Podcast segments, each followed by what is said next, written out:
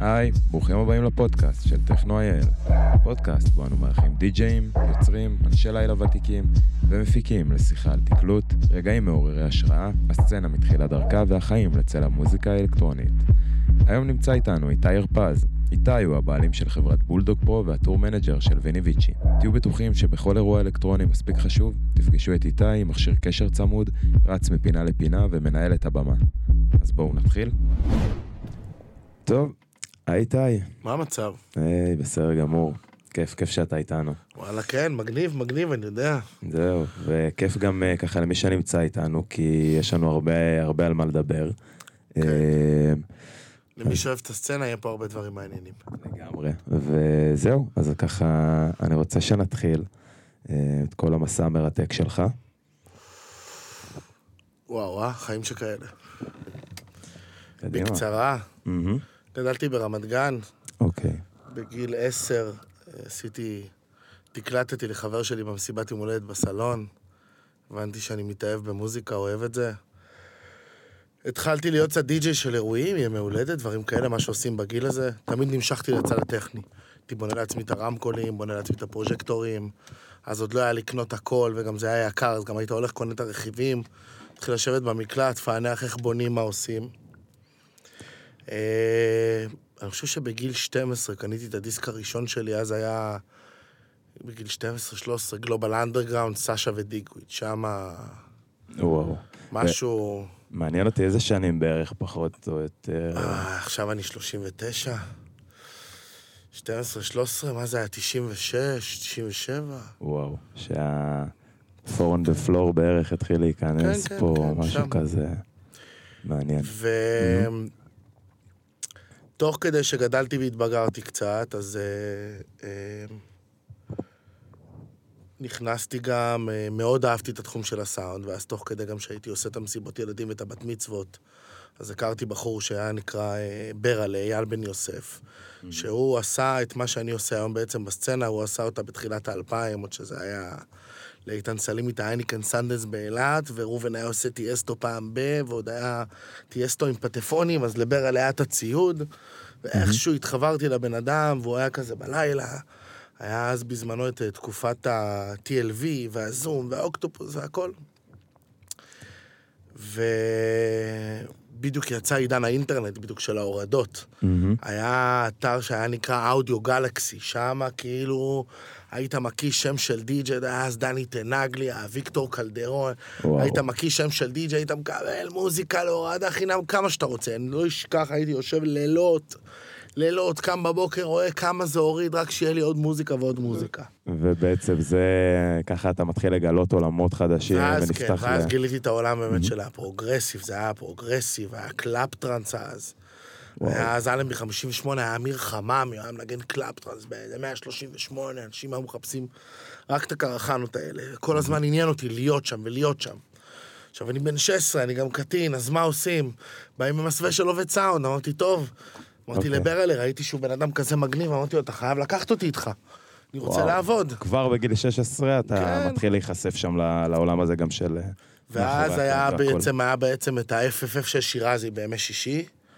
שזה היה מסיבות הדגל של תל אביב, עוד ב-TLV. זה היה המסיבות הכי מדוברות שהיו פה, כאילו, בשנים האלה, זה היה התפוצצות מטורפת, כאילו, ממש. והיה שם את החדר ים, ובחדר ים תמיד היה חסר מערכת, אז אנחנו היינו משלימים את המערכת לשם. אז הייתי מגיע איתו בשש בערב ביום שישי לסחוב את הציוד, והייתי נשאר במ- במועדון, ליד המערכת יושב. שאם יגידו לי, אני אגיד להם ישר, אני שומר על המערכת, כי אם מוציאים אותי, אני לא יכול להיכנס בחיים. נכון. אני מתחת גם לגיל. והייתי רוצה רק להישאר. עכשיו פותחים את המקום ב-12, 6 שעות, אני יושב ליד המגברים, אין כלב. המנקים נקים את המועדון, אני יושב, ואומרים לי, מי אתה? לא, אני, אמרו לי לשמור על המערכת. גדול. וככה כל שישי הייתי הולך ל-TLV. שם אה, אה, התוודעתי לעופר ניסים. שמעתי שם את אה, Victor Calderone, היה אז איזה רמיקס עצום שהוא עשה ל Long Train Running, ל Doobie Brothers, לאיזה... שהוא שיר מה eighties, שה... בתור ילד אתה עומד ואתה רואה את, ה, את, ה, את הרגעים האלה שהקהל מגיע אליהם, ואתה רואה את ה... איך מועדון עובד, וכמה זה נושך, וכמה זה ארדקור, וכמה אנשים מוציאים את כל מה שיש מהם החוצה, ואתה זה, נטרף מזה. לגמרי, אתה פתאום גם חווה את זה בתור ילד, כאילו, אפילו לא בן 18. ואז התגלגלתי לזה בעצם.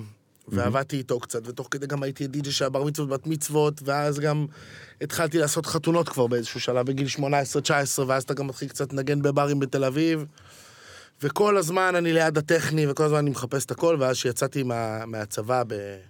יצאתי מוקדם מהצבא, יצאתי בגיל 19 מהצבא. יום אחרי שיצאתי מהצבא, הלכתי ופתחתי את העוסק פטור הראשון שלי זה היה. אוקיי. אני לא אשכח. אמרתי, אני. פותח חברת הגברה ותאורה. זו הייתה תקופה של תחילת שנות האלפיים, שנפתחו מלא גני אירועים בישראל, אבל לאף גן אירועים בעצם לא היה סאונד ותאורה. אז לכל החברות מוזיקה הגדולות היו קבלנים קטנים כאלה שמסתובבים עם GMC כזאת אמריקאית אוקיי. של פעם, שהיה להם סטנדרט של ציוד, אתה יודע, זה לא היה כמו היום חתונה, משקיעים, 200 פנסים, 500 פנסים. פשוט גשר תאורה, ארבע טופים, שתי סאבים, תודה רבה. הכל. היה הרבה יותר פשוט אז. הכל היה יותר פשוט. היו דברים יותר מושקעים, אבל הם לא היו בכמויות שכבר יש היום, כי, שמע, גם הטכנולוגיה התקדמה, הכל התקדם, הבמות נהיו יותר גדולות, הסצנה גדלה, אין, ברור, זה עוד היה בחיתולים שם. ורגע, שאתה פותח עוסק פטור, אתה תוך כדי חושב מה אתה עושה עם התקלוט, או שאתה בינתיים לא, זורם אני תוך עם כדי, זה? אתה יודע, אני מנגן, אני נהנה מזה, עושה חתונות, עושה זה, עושה קצת ברים, אבל תמיד הטכני תמיד היה שם בצד. יום אחרי שהלכתי לפתוח את העוסק פטור, בדיוק אה, ברלה מתקשר אליי, אומר לי, שמע, יש בחור, אביב מיאלו, גם היה חברת תקליט, אני רוצה למכור מערכת. כמה הוא רוצה? 110 אלף שקל. וואו. עכשיו. אני בן אדם שעבדתי, חסכתי כמה שקלים בחיי, אתה יודע, לא בית למשפחה עשירה, לא כלום. המערכת של Electro-Voice, אז Electro-Voice, היה מגברים של יורק. וייל, היה Electro-Voice. כל המסיבות טראנס היו עושים עם ה Delta, היה ל Electro-Voice איזה דגם שנקרא Delta 400. היה מסיבת טראנס ב nineties של Voice Delta 400. ואז אה, הלכתי פשוט למאג, הוצאתי פנקס צ'קים, ופיזרתי שלושה צ'קים קדימה, ואמרתי, אללה ירחמו. אני? לוקח. גדול. in. מהמם. שלושה חודשים. אני חושב שעשיתי בערך, אולי כל חודש איזה 50 עבודות ברמה של כפולות, הייתי עושה סאונד ותאורה, הולך מתקלח בשירותים של האולם, חוזר עם חולצה מכופתרת, עומד ליד הדיג'י, עושה דאבל כדי לקבל עוד איזה 200 דולר.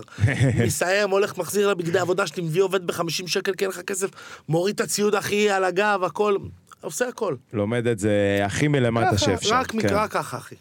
רק ככה, וכל הזמן, כל הזמן נצמד לאנשים יותר שהם, יש להם הרבה יותר ידע ממני כדי לשאוב מהם את הידע וללמוד ולראות מה עושים ולהתקדם. כי בכל זאת אתה גם נמצא במקומות, כן. זאת אומרת, גם חשוב אה, בסוף אה, לדעת להתחבר ולהכיר ו- ולהיות חלק, ונכון, לגמרי.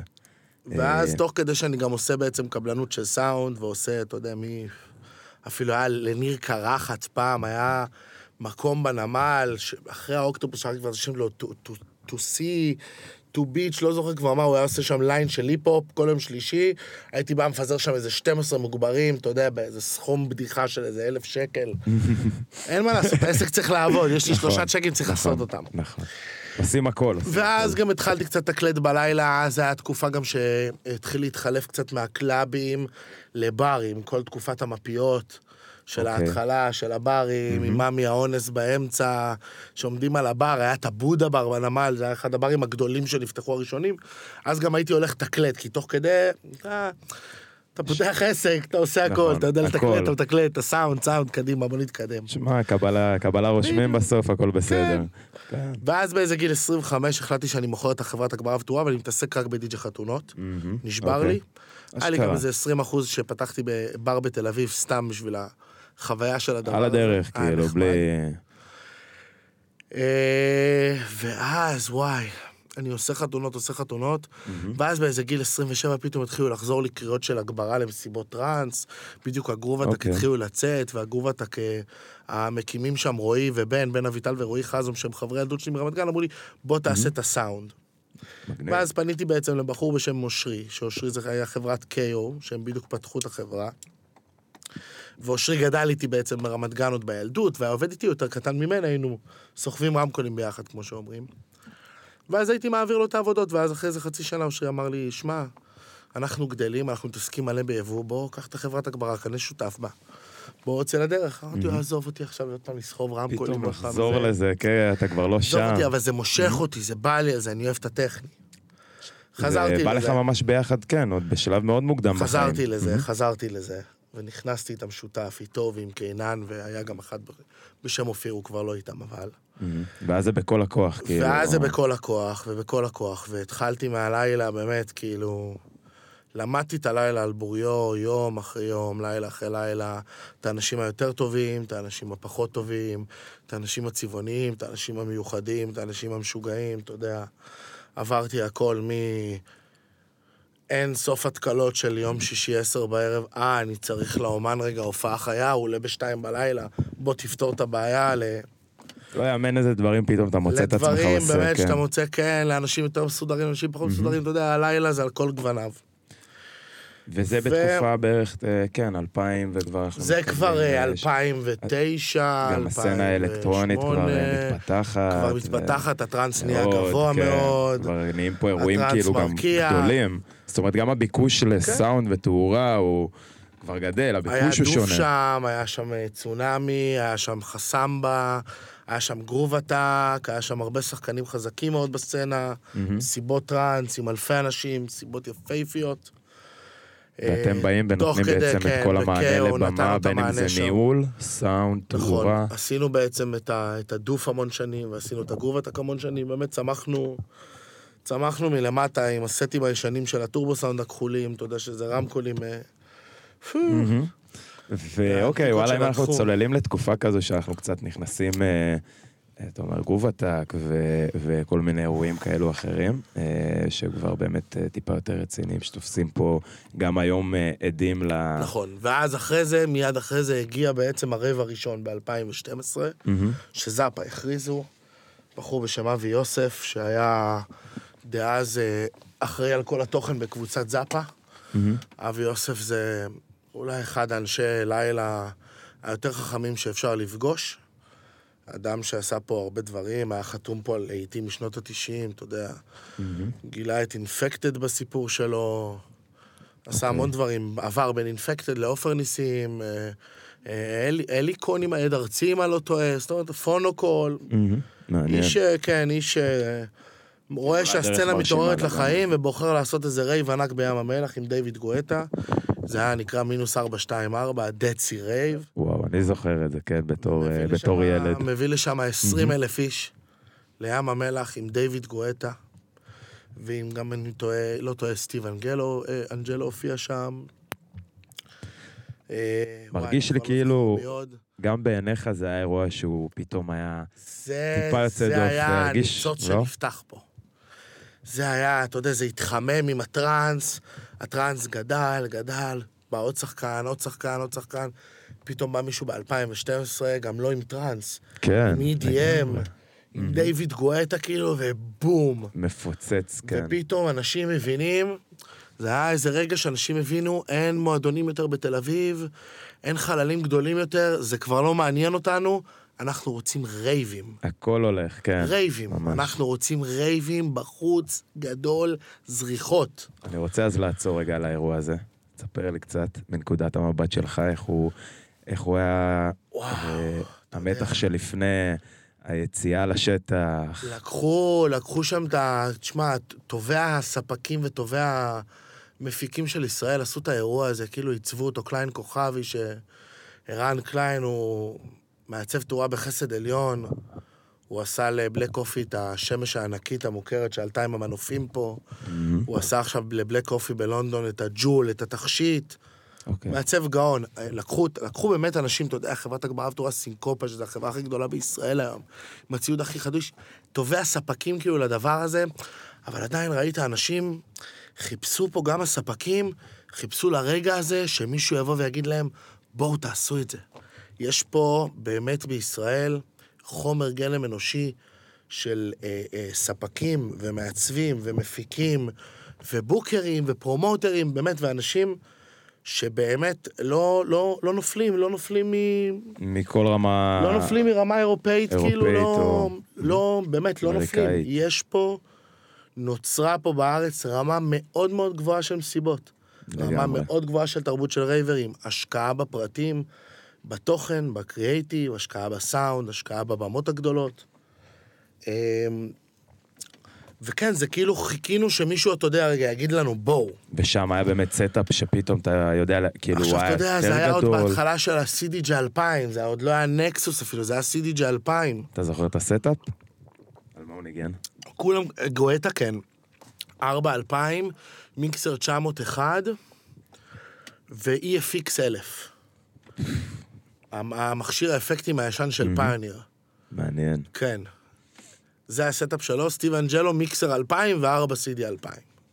וכמה זמן לפני בכלל מתחילים אה, לעבוד שם בשטח? כמה חודשים התהליך מתחיל לפני, ואז מעבירים לנו בעצם אה, את המפרטים הטכניים, אנחנו יושבים, מקבלים את ה lineup יחד עם המפרטים, ואז אתה מתחיל לעשות סימולציה, ואז אתה בעצם מגיע לתוצאה של כמה כמויות נגנים אתה צריך, איך ההחלופות יהיו, באיזה אופן. שם בנינו פעם ראשונה, riser זז על הבמה, כאילו הבנו ש... שאין יותר setup אחד לדי-ג'אים, ההוא בכלל רוצה מיקסר אחר עכשיו, זה לא... וואו. זה לא היה מקובל פעם, פעם היה setup, נגמר, כולם באים, נגנים, כאילו... ואומר נכון. לך, לא, שמע, זה המיקסר, לא טוב לך, לא בא גם. זהו, אגב, היום אפשר לראות באמת באירועים גדולים מיקסרים, כן. אה, כאילו, כל אמן יש לו את. הדרישות שלו, לכל אמן יש את הדרישות שלו, כל אחד רוצה לעבוד עם מה שנוח לו, עם מה שהוא מאמין בו. יש חלק מהאמנים שהם נהיים המפתחים גם של המיקסרים האלה, והם חלק מצוות הפיתוח, והם צריכים לעבוד עם המיקסר לא כי הם צריכים, כי הם רוצים, כי הם מאמינים במיקסר, כי הם היו חלק מהאנשים שפיתחו אותו. מהמם, שהכניסו את הפיצ'רים. שהכניסו את הפיצ'רים, שהביאו את האג'נדה שלהם למה צריך להיות אה, במיקסר. ו, ופתאום כן, ואז אתה מתחיל רגע להבין, והרייזר הראשונים שעשינו, עוד זה היה אפילו בלי גלגלים, זה היה איזה רעיון שהעלינו אני וקליין, לשים איזה משטח כזה מחליק, שהפודיום יחליק עליו, משהו, גדול. ואז אתה יודע, אתה, אתה מעביר את האירוע עכשיו, בהתחלה עוד לא, לא הבינו מה, מה הצורך של מנהל במה, זאת אומרת, לקחו מנהלת במה שהיא עושה ניהול במה להצגות של רוק אנד רול, אתה יודע, לאומנים, ללהקות, לדברים כאלה. אוקיי. ואז היא פתאום באה אליי, והיא היום, אגב, חברה, יכול להגיד שבאמת חלק מהניהול במה שלי התחיל בגלל אלה פלקסר, כאילו, החברה הזאת הטובה שלי, באמת, היא עד היום חברה... חלק מזה התחיל ממנה, שמו אותה מנהלת במה, ואז אתה, אנחנו עומדים שם, אני ואושר עומדים בצד. עכשיו, זה אתה עדיין לא מכיר את המערך, אתה עוד לא מכיר את המפיקים, שאתה יכול לעבור שלום וכאלה, כאילו, זורקים אותך, שמו אותנו באיזה אכסניה במצדה. ישנו אושרי, אני, אושרי ואני במיטת קומותיים, אתה יודע, נכנסנו. לחדר, נכנסתי על הצד, למה הדלת הייתה צרה, ואני גדול. אתה יודע, זה לא הפקה אומרת לך איפה אני מחנה חניית ספקים, אומרים לך גבר עם הקהל, סע באוטובוסים. מי אתה בכלל, עוד לא מכירים אותך, אתה יודע, אתה עוד לא, עוד לא שם. אתה אתה גם נרגש מזה כן, שאתה עכשיו בכלל גם, אתה עצם יודע, קראו לך, זה עוד העשייה. טרי גם, זה עוד... זה בחיתולים, אז אתה סבבה, אתה קודם כל שנייה מבין רגע מה השחקנים. נכון. ואז אלף פלקסר באה אליי, אומרת לי, שמע, זה הבחור הזה עם הדי-ג'יי, עם דוד גואטה, שואל אותי שאלות, לא יודעת מה לענות לו, אני לא מבינה בדברים האלה, מה עושים פה? ואז הלכתי, התחלתי לדבר איתו, עכשיו גם, בגלל שכל חיי הייתי די-ג'יי, והתעסקתי כל הזמן עם מכשירים, ומאוד אהבתי את זה, מהפיוניר, מהראשונים, אתה יודע, מאוד כל הזמן התעסקתי עם זה, אז גם... עקבת אתה- אחר זה האבולוציה כאילו של ה... אתה יושב ואתה מחכה לרגע שמישהו יקרא לך לשאול אותך את השאלות, כי אתה יודע לענות את התשובות. כן, אתה מכיר את הרגעים האלה כן. כל החיים התכוננת לרגע הזה, כל החיים התכוננת לרגע הזה, למדת כל החיים את הציוד, כדי שמישהו יום אחד יסתכל עליך ויגיד בואנה, זה יודע, זה טוב. ואז הלכתי, טיפלתי בעניין, טיפלתי. בא אבי יוסף, אתה יודע עכשיו אבי יוסף זה בן אדם שהוא כמו ינשוף, הוא מסתכל עם העיניים, הוא בוחן לבד והולך, הוא לא מדבר עם אף אחד. בא אבי יוסף, הסתכל, הלך, הגיע דצי עברי ב-2013, בא אבי יוסף אומר לקבוצת אה, פורום, זה היה פורום וזאפה הפי- הפיקו את זה ביחד, הוא אומר להם, יש מנהל במה אחד, קוראים לו איתי הרפז מיקאו. רק הוא עושה את הבמה, תודה רבה. מאותו רגע, אתה מבין שזה, שזה מיין טו בי, כאילו, זאת אומרת, לפני זה היה ניהול במה? יותר היה- מדי התעסקת? היה ניהול, אבל זה לא, כאילו, זה לא היה טייט כמו שזה היום. לא הייתה פה. הגדרה מדויקת וקווים. בדיוק, זה לא, אתה יודע, זה לא היה...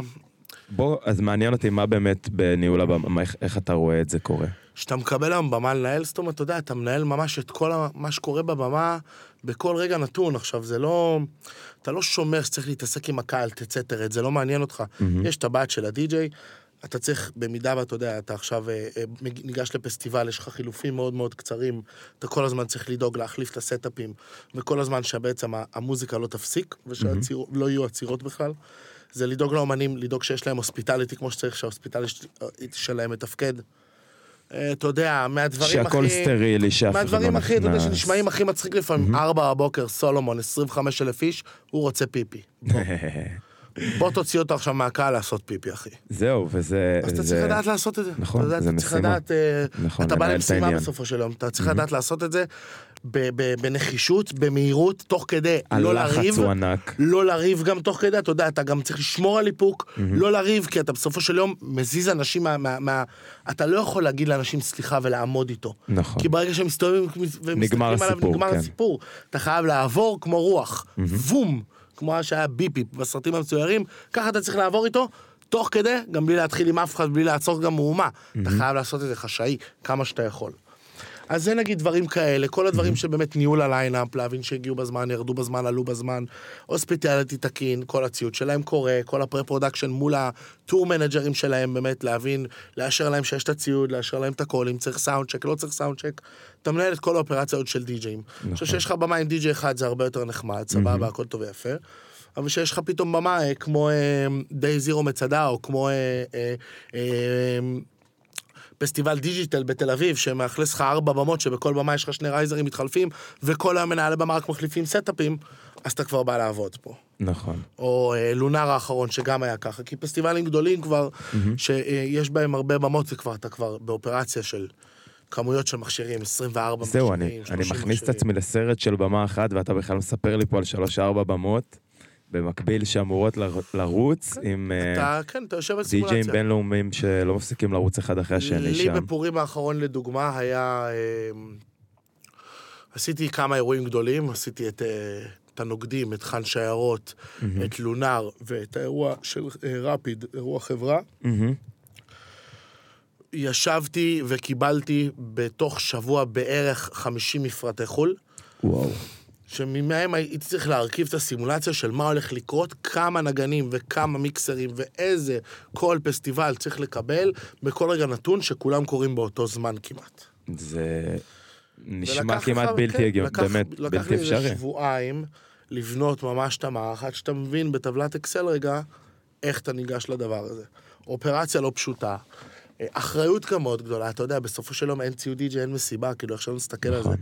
אפשר להסתדר בלי תאורה, אפשר להסתדר בלי שתייה, אפשר להסתדר, אה, לא יודע, בלי כיסאות, נכון, אבל בלי די.ג'יי ובלי ציוד די.ג'יי אפשר להסתדר. נכון, נגמר הסיפור, זה הלב. הפועם של המסיבה, של ה-40 אלף איש שעכשיו. על הביט, זה זה, זה מתנקז לשם, אז לגמרי. אז עכשיו זהו. נעשה rewind רגע למס... בדיוק באתי להגיד, לפני שאני נכנס איתך לפורים פה, פורים 22 וכל הטירוף ש... נעשה rewind רגע לדצי רייב בעצם. אנחנו עוד בעצם- בכלל. אני אה, עדיין ב-KO, אנחנו עדיין שם, כן. משם זיהו שצריך מנהל במה, ומשם זה מתחיל להתפוצץ. אין אירוע אה, אה, אלקטרוני שלא עשיתי בעשור האחרון, ואני מדבר על אירועים גדולים לרוב, שלא לקחתי בו חלק בטיפול בבמה, החל מטריפינג, שאני מ-day one חי איתם, לחבר'ה של Future Memory, שזה דיגיטל ו Port to Port, ו Lost in a Moment, ו Music תל אביב כמובן, שאני עובד איתם, והחבר'ה של Grounded. זאת אומרת, כל מה שקרה פה בעשור האחרון עבר את הניהול במה של, שלי, מהמם. יחד עם כל הטיפול באמת באומנים. משם באמת, אה, אה, וזה כיף, כי בעצם אתה, זאת אומרת, לפי מה שאני מבין, אני מגיע אליך ואני מקבל בעצם מעטפת גם של תאורה, גם של סאונד, גם של ניהול הבמה. לא, לא, לא, לא, לא, אנחנו לא באים לשווק את עצמי. לא, לא משנה, אבל אני מדבר עכשיו באופן כללי, זאת אומרת אני מספר לך מה אני שאתה... עושה בחיי, אני קטונתי בלשווק את עצמי, באמת. אני מספר לך על עזוב, על אתה לא ההוויות משווק, שלי. הנה, אני, אתה יודע, על ההוויות שלי, ההבנה שלי אני אבל רוצה... אה, הפקאג', כן, הפקאג' שמגיע איתי בבמה, הוא את כל הציוד די.ג'יי, באמת, אנחנו היום אה, הקבוצה שמחזיקה את ה- את הכמות הכי גדולה בארץ של ציוד די.ג'יי בישראל. אה, כי אנחנו מתעסקים בזה באמת רק עם הבמות הגדולות האלה, וזה במסות. זה אה, יום אחד בפורים שיכול לגזול ממך 28 נגנים, אה, אתה יודע, בלי למצמץ בכלל. אה, אבל זה הכובע, זאת אומרת, באמת, אבל ש- זה הכובע, כן, זה כאילו, הכובע. זה סאונד, הגברה. זה הכובע, נכון, מעטפת של. סאונד ותאורה אנחנו גם נותנים, נכון, זה גם הכובע, אבל. זה באמת כל הדברים השוטף האלה, שלך בתור איתי עכשיו, אנחנו בדיוק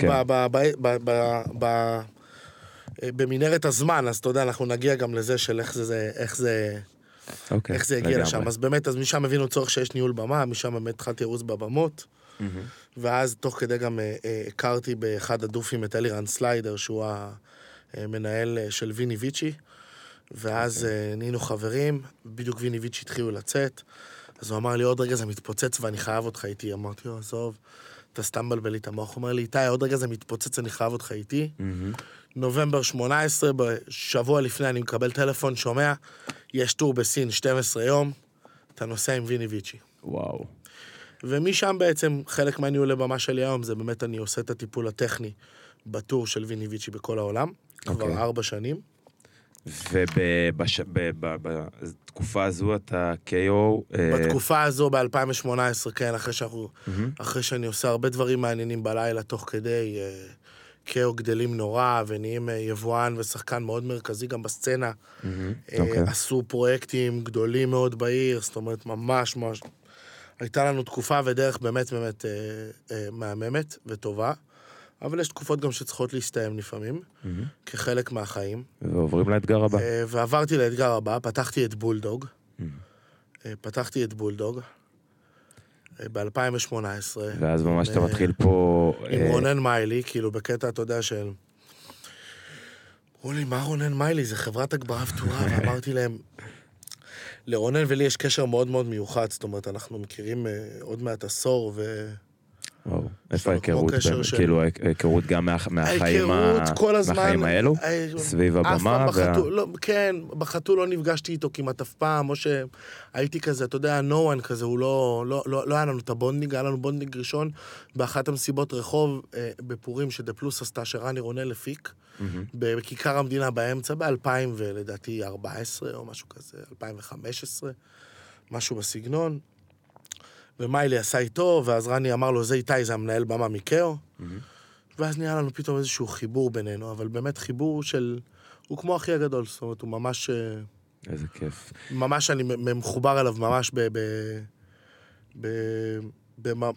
באמת במסווה שכאילו אני מרגיש אחי כן, זה. מעבר גם כן. לחיים ה... ואז, אתה יודע, החלטתי פשוט ללכת איתו ול... ו...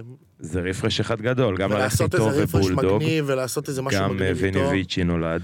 וגם ויני ויצ'י נולד, ובולדוג נולדה, ואתה יודע, עם זה נולדים המון המון דברים, כי שיש לך גם שותף כזה צבעוני, ואיש עשייה, שאתה יודע, מחזיק מסביבו אנשים של עשייה, וכל הזמן מחפשים את העשייה. ומחפשים את היצירה, sky is the limit. לגמרי. ויש בכלל זמן לזוגיות תוך כדי הטירוף הזה, זה מעניין. כאילו, אתה, אתה בכלל מייחס, כי אני שומע המון המון המון המון עשייה של עבודה והגשמה כן. וכבישת יעדים, ונכנס פה דברים מהצד רגע. אני כן, עושה לא, stop אני, על הכל. אני ו- נשוי, אני נשוי, מהמם. ויש לי ילדה בת שנה וחצי מהממת. איזה כיף. והמזל הכי גדול שלי שאני נשוי למישהי שהיא א' אה, חיה את התחום גם. זה... היא מבינה אותך הכי זה טוב לא רק. בגלל התחום, זה בגלל מישהי, כאילו היא. מכילה, והיא נתנה לי לבנות את הקריירה שלי ועשתה... אין... אה, אין, שמע, אין, אין, אין דרך אה, להודות לה על הדברים האלה. בסופו של יום, ב-2019, לפני הקורונה, אני טסתי בערך 120 טיסות עם ויני ויצ'י בשנה, זה מטורף. וואו. וכן, היא צריכה להיות מאוד חזקה כדי להבין מאוד. את זה ולהכיל את זה, מהמם. והיא עשתה את זה ב- ועושה את זה עדיין בגבורה ובאצולה. שאפו, איזה כיף לשמוע. שאפו על זה. אמ, ואני נמצא פה בצומת דרכים מאוד גדולה של אה, אם אני הולך איתך רגע לבולדוג או שאני הולך לוויני ויצ'י, תחליט אתה ו... זה מעניין, זה שאתה יודע, זה, אתה יודע, צומת דרכים רגע. אה, צומת T, ימינה או שמאלה. ויני ויצ'י, וואי, ויני ויצ'י. יס, קדימה. מטורף, מטורף, 2018. אז אה, אוקיי, זהו, פותח זה את באמת. בולדוג, בולדוג מהמם. עובדת, אתה יודע, עושה אירועים, עושה זה, ציוד די.ג'י, הכל עובד, הכל רץ. מתפוצצים על החיים, אה. לגמרי. אוקיי. פרשי, משהו חדש גם, זה, כולם באקסטזה. בא ויני ויצ'י מצא. טוב, יוצא לסין 12 יום. למען האמת, גם טיסה טרנס-אטלנטית ראשונה שלי בחיי, כאילו. כזה. נוחת בסין, לפני זה עושה שיחת אה, אה, וידאו עם אבירם, להכיר את הבן אדם שנייה, לראות מי הבן אדם. נוחת איתו בסין, וואלה, לא עוברת הופעה אחת. לא, לא הופעה אחת, עברו איזה שתי הופעות, ופשוט התחברנו. פשוט מדהים, התחברנו. איזה כיף, אוקיי. הכל התחבר, עכשיו זה עוד פעם, זה עוד פעם המצבים האלה, שאמרתי מקודם, שאתה... אתה כל החיים שלך לומד, כי אהבה, אתה יודע, אתה עובד על הבמות, וכשאתה עובד על הבמות אתה כמו רנטגן. אתה רואה הכל, אתה רואה בדיוק מה קורה. זה היה לי יום אחד מקרה באחד האפטרים של סולומון, שהוצאתי אותו להשתין בתוך הבית, ברקנתי שם. עכשיו. אני הולך איתו בתוך הבית, ואני רואה מישהו יושב על כיסא בתוך הבית, וכאילו עושה כאילו הוא לא רואה אותנו, ואני רואה אותו עם הטלפון ביד, בא לבוא לסולומון לעשות לו תמונה. עכשיו. הוא עוד לא ראה שאני רואה אותו עם הטלפון, אני הולך עם סולומון, אני מסתובב למכון, אני אומר לו, אל תחשוב על זה בכלל. הוא ניגש אליי, הוא אמר לי, אני לא מאמין לך שידעת שאני רוצה לבוא לצלם אותו. וואו, כזה איזה- רנטגן אתה נמצא, שאתה כזה. מתעסק בממות, אתה יודע כבר שתי צעדים קדימה מה הולך לקרות, אתה יודע מה זה הולך לעשות, איך זה ינסה לבוא ל- להיכנס, איך הוא ינסה לצאת, איך זה ענק. ינסה זה, איך ענק. זה יעביר את זה, אתה כבר מבין כל כך שולט כל ב- השחקנים איתך. שמע, וזה תדר גבוה, אתה יודע, כן. לחיות ב- ב- בעולם הזה, זה להיות בתדר גבוה יודע, שם, כן, הכל אתה- אינטנס. לומד, שואב, לומד, שואב, לומד, שואב, אתה Mhm. מחכה לרגע, אתה יודע, בסופו של יום, ההגשמת חלומות שלך בקריירה הזאת היא, אה, אתה יודע, סבבה, אתה בעלים של חברת הגברה ותאורה, אז ההגשמה שלך היא שהחברה תעבוד בקפסיטי שאתה רוצה, בגודל שאתה רוצה, אבל בניהול במות, כאילו, בסופו של יום ההגשמה שלך היא לצאת לטור בעולם. להסתובב עם טור, בטור בעולם. זה, זה בסופו של יום ההגשמה של הדבר. נכון, אתה יודע, לגמרי. אתה כל הזמן שואף את המידע ואומר, וואי, ומישהו עכשיו, לפני גם ויני, הייתי, ניסיתי גם, אתה יודע, לפנות וזה, לפנות לאנשים, אולי זה, אולי צריך, אני מאוד רוצה, אני מאוד רוצה, אבל לא מכירים אותך, לא זה, אז אתה יודע, מהמם. מזיזים את זה קדימה, אה, באים אליך לפה לארץ, אומרים לך, שמע, בואנה, איזה ניהול, איזה זה, איזה פה, איזה זה, אתה יודע, מגיע די.ג'יי, אז ה tour manager שלו אומר לך, כל הכבוד, כל הזה, ואז אתה אומר לו, שמע, אני מחפש וזה, ואז פה זה כבר מגיע הקטע של כבר, אין. וזהו, ואז בעצם אתה... ואז אני מקבל את ההצעה מוויני לעשות אה, tour סין איתם. מדהים. אה, 12 יום, 11 הופעות, משהו כאילו... לוקח אותה בשתי ידיים, לא... היה- יודע שגם תעשה, וכאילו, כן, מגיע אחי, אליה מוכן. מגיע, מגיע כמו שצריך, ואז אה. דבר מוביל דבר מוביל דבר. ארבע שנים אני טס איתם. אה, הייתי כמעט בכל העולם, כמעט בכל העולם. וואו. הייתי ולא הייתי, זה היית, וואו. אבל לא שהיית לילה, או שהיית רק. בשדה תעופה. זהו, אתה מצליח לחוות גם אה, מה- מהמקומות, יש הרבה פעמים, מקומות יש שאתה... פעמים, יש פעמים שאתה... שאתה חווה, שיש לך עוד איזה יום ספייר ואתה יוצא לטייל קצת, ואתה זה, אבל אתה לא באמת, זה לא שאתה בא, אתה לא בא לווקיישן. מהמם. אתה, אין לך כמה ימים לחקור או כמה ימים לעשות. אה, ובאמת יוצא מצב פתאום, נכון, של שבוע, אה, זה ארבע מדינות, וזה במה, שדה תעופה, נכון? זה יכול כאילו להגיע למ- למצב של במה, אז- שדה תעופה, במה, שדה תעופה? בדרך כלל, בדרך כלל בסצנה של ה-EDM, היא די מחולקת לשתיים בנושא. אוקיי. או שהיא הייתה מחולקת, אני כבר לא, לא מורה בחלוקה כנראה, אבל היא די מחולקת לשתיים. השתיים האלה אומרים שיש די-ג'אים שיוצאים אה, אה, שלושה חודשים לטור, חודש בבית, שלושה חודשים לטור. ויש די-ג'אים שבדרך כלל עושים וויקנדים, ואז יש לך טורים שהם מחוברים. טורים מחוברים הם בדרך כלל מקומות רחוקים, נגיד סין, אז בסין סוגרים לך כמות של הופעות בכל סין, ואז אתה רץ בתוך סין עשרה או 12 ימים. אוקיי. טור אירופה נגיד, שזה הטור הכי סזיפי, שמה אתה, ב- שמה נגיד טור אירופה ב-2019 שעשינו אותו, עברנו ב-14 יום אה, 12 מדינות, 12 החתמות דרכונים ב-14 יום. וואו, כי בעצם השטח הוא קטן ואפשר ב- לעשות פה הרבה מעברים, אבל זה הרבה מדינות והרבה בירוקרטיה. התחלנו את הטור ביום שישי, ב- ב- נחתנו ב- ב- ביוון. בסנטוריני. מסנטוריני לקחה אותנו מעבורת לאיזה אי שנקרא איוס, זו הייתה ההופעה הראשונה. מעבורת החזירה אותנו, טיסה לאתונה, הופעה השנייה. יום אחרי מקדוניה, יום אחרי צרפת. אה, מה היה לנו שם? ספרד, היה לנו פורטוגל שם, היה לנו איביזה שם, פלמה, כאילו, זה, זה, זה הרציפות שלך. מעניין אותי, אתה תוך כדי, אה, אבל גם נהנה מהרגע בדברים כאלו ומבין ש... אתה יודע, כאילו, אתה יודע, עוצר רגע, מבין, אוקיי, אני באמת הגעתי כנראה... תראה, זאת אומרת, אני, אני נוגע פה במה שחלמתי עליו. זה... אתה אני עומד חושב מול הקהל. חוויתי את הרגעים הכי מטורפים בחיים שלי מהדברים האלה. זה Yes. אתה, בסופו של יום אתה עומד מאחורי אמן שבא ויש לו 30 אלף איש שמחכים לשמוע אותו. באיזה פסטיבל מטורף באירופה או בכל מקום עם במות, אתה יודע, שהן מושקעות בתוכן של video art, בתוכן של פירוטכניקה. ואתה. אתה, אתה, זהו, זה- אגב, Tomorrowland נגיד עם ויני ויצ'י יצא. כן, ב-2019 פעמיים עשינו. פעם אחת את הבמה של אלטזה, שזה הבמה של הלייבל של ויני שמארחים שם את האומנים, ופעם אחת הם ניגנו ב main stage, אפשר לומר ב slot המרכזי, אחריהם היה דיוויד גואטה שהוא היה סגירה. ואתה פישר היה לפניהם. אתה, אני רוצה עומד- להיכנס לרגע, אתה עומד מאחוריהם, פשוט רואה את הכל אני, עמדתי ב control, הפעלתי להם את כל ההופעה מה control. ב control. הפעלתי להם את כל ה-SFX ים מה control. שזה ממוקם, איפה כאילו, ממש control ממוקם ב front 20 מולם. מטר ממול, ממול הבמה. Mm, מדהים. כאילו זה, זה, אתה, זה לא רק זה, אני גם מאוד, בגלל שאני כל כך המון שנים בתעשייה, אתה יודע, כבר אני מבין איך הפקה עובדת ומה... אני גם חי עם מפיקת אירועים בבית, אשתי מפיקת אירועים פרטיים בבית, אז אתה יודע, ההפקה תמיד זה משהו שעניין אותי. אתה מגיע לפסטיבלים כאלה, אז אתה יודע, אני מסתכל על הכל, על הניואנסים הכי קטנים, אתה מקבל איזה ספר שנקרא The Book of Wisdom. של הטומארולנד, שכאילו אתה מקבל את זה כאילו למזכרת. עכשיו, אתה פותח את הספר, אתה יודע, זה ספר עם איורים, עם כאלה תמונות יוצאות החוצה, אתה רואה את ההשקעות בטיטלסים, אתה מגיע למקום, קלנועיות, הכל מסודר, יש אותו מלון, מערך הסעות. כאילו, זו הפקה מתוקתקת, באמת, ב... אתה רואה דברים... כמה זמן נשארתם? שם? כלום, הגענו לשם, הגענו לשם, אני חושב, מאיטליה. הגענו בבוקר לבלגיה, בערב הוא ניגן, יום אחרי בבוקר טסנו לארץ. וואו, איזה טירוף. כן, ו- יש הרבה in out. זהו, אבל עכשיו נגיד אתם מגיעים, אתה מגיע איתם, מה, מה אתה עכשיו איתי צריך לדאוג ש... מה עושה tour manager? זהו, מה אתה עושה שם איתם ב Tomorrowland? Tour. manager בדרך כלל תפקידו לנהל את ה tour מהרגע שהאומן יוצא מהבית עד רגע שהוא חוזר. אוקיי. לא תמיד האומן יודע לאיזה טיסה הוא צריך להגיע, או באיזה שעה הטיסה, ה tour manager באמת מזיז את הדבר הזה. עכשיו, יש tour manager ים שמזיזים אמן, ויש tour manager ים שמזיזים קבוצה של אנשים, זאת אומרת, אמן ועוד איש סאונד ועוד תאורן ועוד זה, שאת זה עשיתי, יצא לי גם לעשות את ה, אה, כמה הופעות עם דימיטרי וגאס ולייק מייק, ששם זה עובד קצת אחרת מוויני. מהמם, אוקיי. בגדול, tour manager מזיז את כל הדבר הזה שנקרא משאלות עיתונאים שעכשיו יש ראיונות, אז אני מקבל את השאלות לפני, מעביר אותם לאמן, בודק בדיוק מה קורה, בודק שהשאלות ראויות, שלא מדברים על פוליטיקה, שמדברים על המוזיקה שלו, שלא מערבבים דברים שהם, אתה יודע, בסופו של יום אנחנו spread the love, זאת אומרת, מוזיקה זה מוזיקה, ואני מאוד מאוד מאמין שמוזיקה צריכה להישאר נקייה מכל דבר אחר שיש בעולם הזה. מדהים. מוזיקה זה דבר נקי. נכון. ו...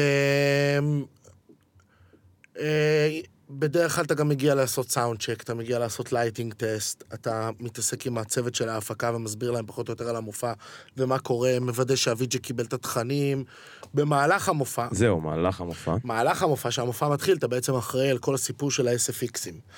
בסצנה הזאת, שהיא הסצנה יותר המסחרית נקרא לה, ה-EDM, מאוד נהוג ומאוד יפה כדי להעצים גם את המופעים, זה לתת הרבה הרבה cue ים של SFX ים, של העשן הלבן הזה שיוצא, שזה אוקיי. נקרא CO2, אה, היורקי אש, שזה ה flames, אה, יש מלא סוגי אה, זיקוקים, יש sparkling, יש זיקוקים שעפים, אתה יודע, pyro, יש אין אין סוף דברים, אין סוף, באמת, אני רואה פסטיבלים שמשקיעים בפירוטכניקה, אתה יודע, עם דברים, עם טרקים שיושבים על timecode והכל מתוזמן, זה מדהים. לגמרי. וכשאתה עושה מופע כזה של ויני ב-60 דקות, יש לך בערך בין 80 ל-100 ומשהו קיואים, שאתה באמת יושב להפעיל אותם. וואו. כי הרי כל. הקטע בדבר הזה, שאם זה לא מגיע עם ה drop בול, אתה מאבד את פספסת את המומנט ופשוט איבדת את המומנט עם הקהל הדבר הזה. וזה, אגב, זה מעניין אותי, זה גם אה, קרה, זה כאילו, לא יצא לי יותר מדי לראות את זה למען האמת, משהו כזה קורה, אבל זה קורה. מה? זה, פתאום אתה מאבד את המומנט. אין, כן. אין זה- כזה דבר. מי שעובד עם אה, ציוד נכון, אין כזה דבר. יש תוכנה שנקראת show control, התוכנה הזאת בעצם זו תוכנה שפיתחו אותה כמה חבר'ה אירופאים, אוקיי. שעשו פסטיבלים בחייהם והבינו שיש צורך שה control יראה מה הדי-ג'י עושה, מבחינת כל ה grid מוזיקה שלו, מבחינת וואו, זה באיזה ממש טמפו הוא רץ מנגן, לך ביחד. איזה track הוא מנגן, כן, ואז אתה מתחבר בעצם לנתב רשת שיש לך בעמדת די-ג'יי, מחבר את התוכנה ואתה ממש רואה את כל המופע רץ, ואין מצב שאתה יכול לפספס. ככה כולם עובדים. התוכנה הזאת הרבה יותר חכמה, יודעת גם לעשות time code, יודעת אוקיי. להישלט wireless, אבל כן, אתה- כשאתה מגיע ל control כמו ב Tomorrowland ואתה נכנס ל control שיש בו 20 אנשים ב control עם במאי באמצע, כולם עם Clear-Com, עם מערכות תקשורת עליהם, אתה יודע, סאונדמנים, תאורנים, נתבי וידאו, במאי. יושבים שם, לכל אחד יש את המסך שלו, עם ה show control, כל אחד רואה מה קורה, הכל שם עובד על timecode, הכל מתוכנת. זהו, כי אני בתור צופה מהצד תמיד אומר, וואי וואי, אם זה פתאום, אתה יודע, הזיקוקים יעופו שנהיה אחרי, כאילו, מה, לא... מאבד פה באמת כל האפקט, אבל זה לא קורה, אז הם זה עובדים, טוב. לדעת שיש אה, רשת ביטחון זה... לדברים האלו, כן. זה, כן. זה, יש אה, לזה... מעניין מאוד. ו... וואלה רגע, שאלה שעולה לי לראש עכשיו. אז באמת את כל העניין הניהול ניהול אמן, כאילו, אה, זאת אומרת, מעניין אותי גם בהתחלה כשאתה מתחיל לצאת החוצה ולהיות טיפה בינלאומי יותר, וזה גם אולי, אתה יודע, לחבר'ה ששומעים פה, ויש הרבה חבר'ה מוזיקאים שבאמת שומעים גם את הפודקאסטים שלנו. אה, זאת אומרת, איפה לשאוף להגיע לנקודה, מתי אתה מתחיל להיות בינלאומי, מתי שזה מגיע לאיזושהי אינטנסיביות שאתה לא מצליח לשבת באולפן, או אה, יש לך שמע, מנקודת המבט שלך כמובן, לא יודע. ה- עולם המוזיקה עבר מהפכה בשנים האחרונות מאוד מאוד מאוד גדולה. אוקיי. והחלק, המהפכה הטכנולוגית בעולם גרמה לאנשים להיות מאוד מאוד נגישים למוזיקה. וברגע שההנגשה הזאת נהייתה הנגשה כל כך כל כך גדולה, החוקיות גם השתנתה, ולא תמיד יש גם חוקיות לדבר הזה. אמ, מה החוקיות? היום כבר, תראה, פעם הייתה חוקיות באמת של אה, אה, אמן שמביא טרק אחד טוב, הוא יכל לרכב על זה המון המון זמן. היום זה. כבר לא קורה ככה. נכון. היום זה כבר לא קורה, זה לא עובד. זה לא עובד. אתה, יש לך טרק אחד שאתה יכול לרכב עליו חודש, חודשיים, ובוא נתקדם. נכון. בוא תביא עוד אחד קדימה טוב. לדבר הבא, כי אם כן. לא תדע לרכב עם עוד אחד טוב, כנראה שעשו צידר קדימה ואתה לא תהיה עליו. אה, ואיך זה נתפס? תשמע, זה... וזו נקודה מעניינת רגע מה שאמרת פה באמת. העניין זה נתפס?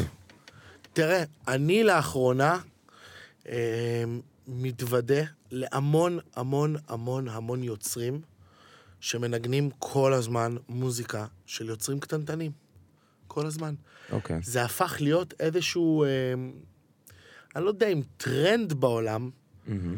אבל זה הפך להיות מאוד במודע בעולם.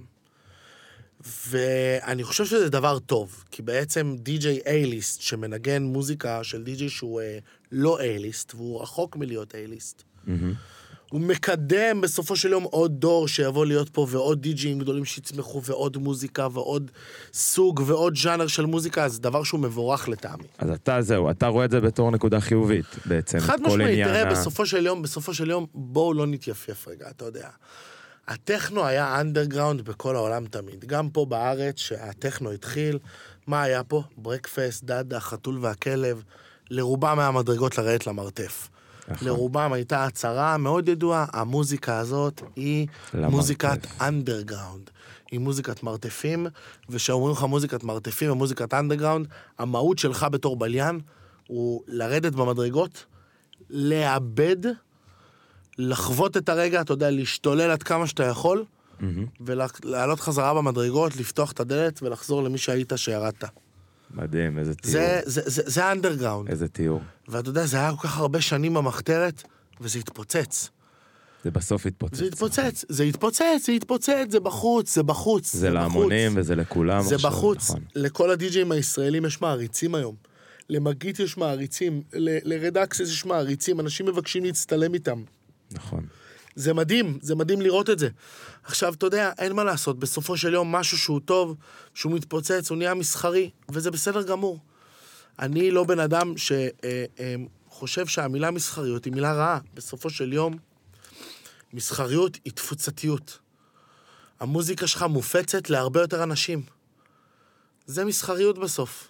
זאת אומרת, גם בתור אמן, בסוף אתה רוצה להגיע איזה אמן לא רוצה ישמעו. שיעריצו אותו, איזה נכון. אמן לא רוצה שיעריכו אותו, איזה אמן לא, לא מתרגש שמישהו אומר לו, בואנה, שמעתי אותך מנגן אתמול, איזה כיף, עפתי עליך. אתה יודע, איזה אמן לא מתרגש מזה שאנשים אומרים לו, הכרתי, אתה יודע, שמעתי סיפור, הכרתי את בעלי בדיוק בטרק זריחה שלך, כאלה דברים. נכון. איזה אמן לא, לא מתרגש אמנים בודקים, מהדברים האלה. וכולם רוצים שיהיה להם צפיות. ואתה בדיוק. רוצה שיהיה לך כמה שיותר צפיות, ואם זה לא היה מסחרי. לא היו פסטיבלים גדולים, והפארק לא היה מתמלא 4-5 פעמים בשנה ב-20 וב-30 אלף איש, וזה בסדר גמור, והתעשייה פה גדלה, והסצנה גדלה, ועם זה שגדלו השחקנים שהיו עושים פה 5,000 איש, עכשיו הם עושים 30 אלף איש, באו השחקנים הבאים שעושים 1,000 ו-2,000 ו-500 איש ו-3,000 איש, ויש המון שחקנים בעיר, וזה בסדר גמור.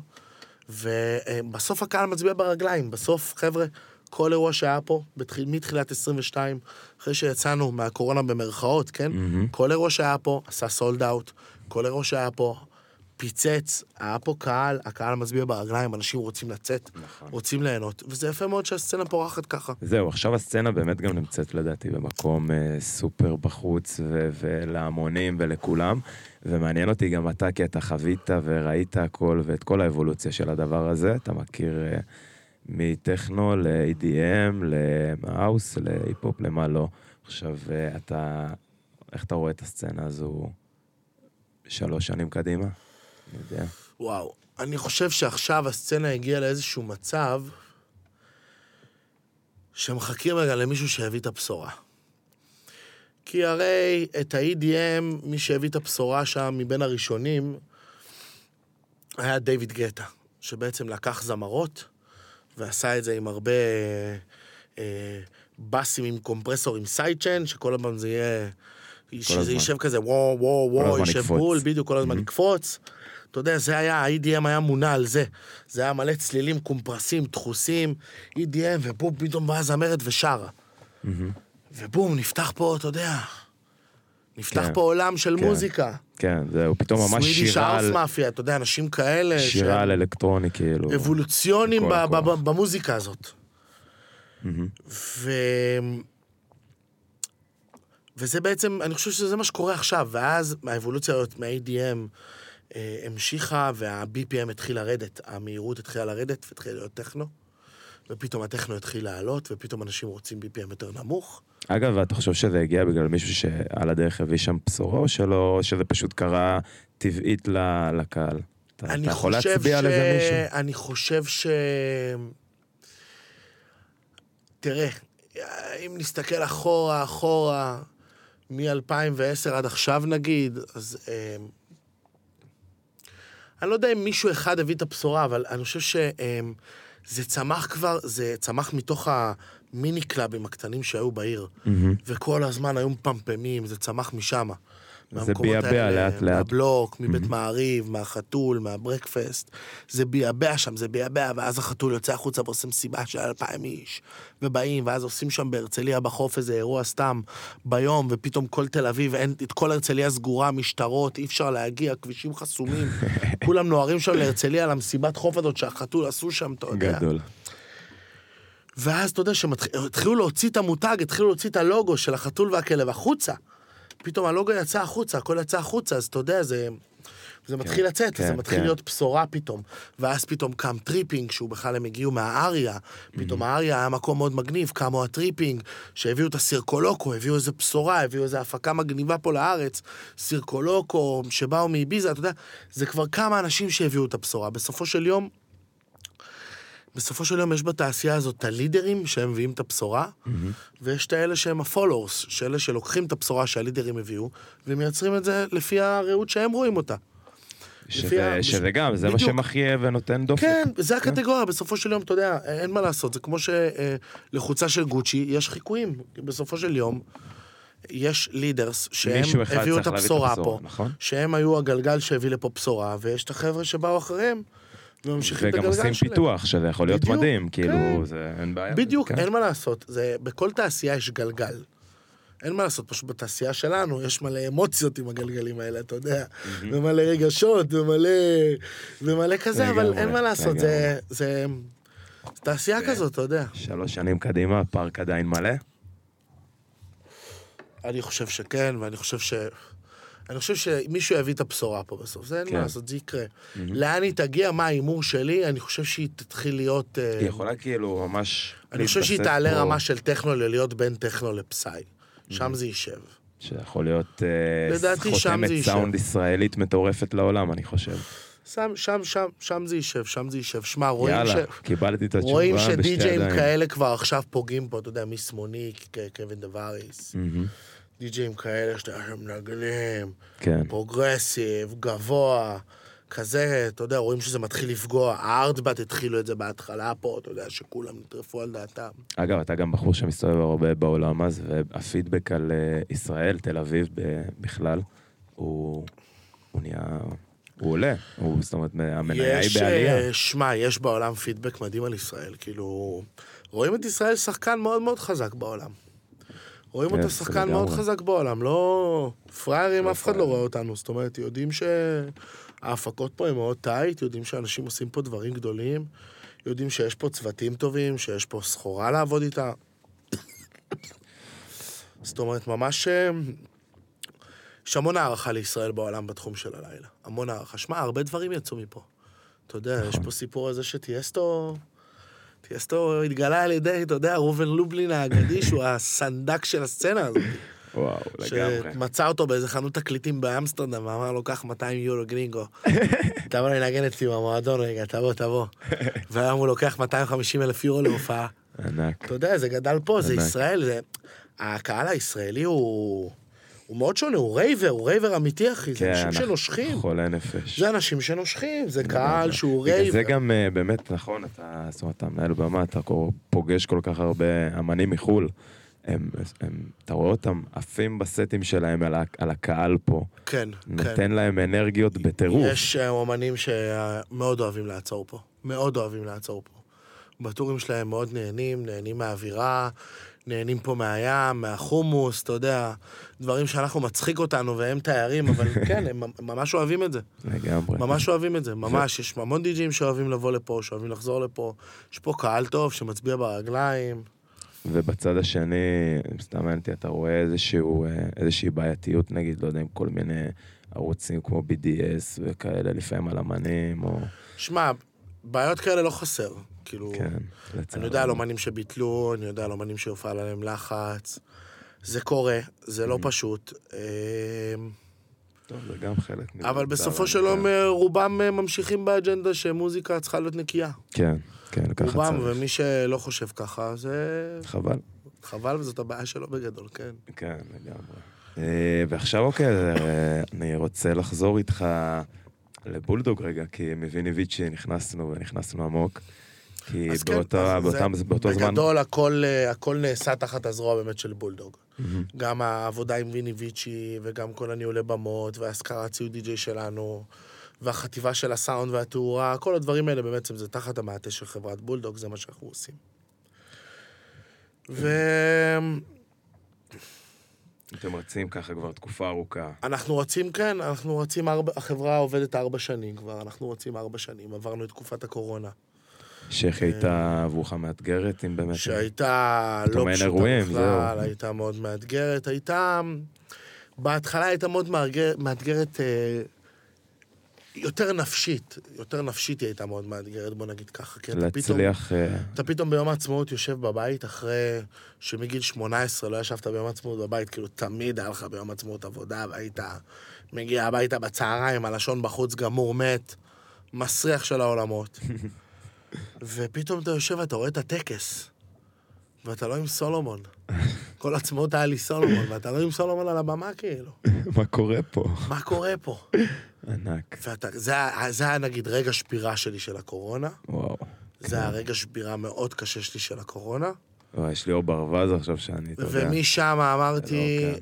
זה מה יש, עם זה נתמודד, ועם זה ננצח, ואתה יודע, פשוט באמת גירדנו יש מאין כזה. זהו, כן. יש מאין, הבאנו קצת לקוחות חדשים לעסק, גילינו דברים חדשים, עשינו דברים חדשים מעניינים. זאת אומרת, תוך אה, כדי התקופה הזאת אתה גם חושב על הפיתוח קדימה. כן, חושב, הולדנו איזושהי, אתה יודע, הולדנו איזושהי קטגוריה כזאת, שאנחנו באמת עושים לכל מיני אירועים כאלה שהם under the radar נקרא להם, כמו הסקשן הפרטי והסקשן העסקי, ייצוג של כמה די-ג'ים מאוד מאוד מגניבים בסצנה, ש... שזה משהו יודע. שבאמת נכנס- נכנסת אליו עכשיו אה, גם, אה, נכון? למיטב הבנתי יותר... אה, נכנסנו זה לזה עובד? קצת יותר לעומק, נכנסנו לזה קצת יותר לעומק עכשיו. אה, באמת, במהלך הקורונה ראיתי באמת שהרבה אנשים מחפשים כבר לחתונות, וגם לאירועים עסקיים, לא רוצים יותר זמרים. לא רוצים יותר זמרים. הקונספט של להביא די-ג'יי להתחלה, ואחרי זה לתת אה, הופעה של, אה, לא יודע, מרסדס, או הג'ירפות, או whatever, כל להקה ישראלית שכאילו כבודה במקומה מונח, אתה יודע, מוזיקה ישראלית.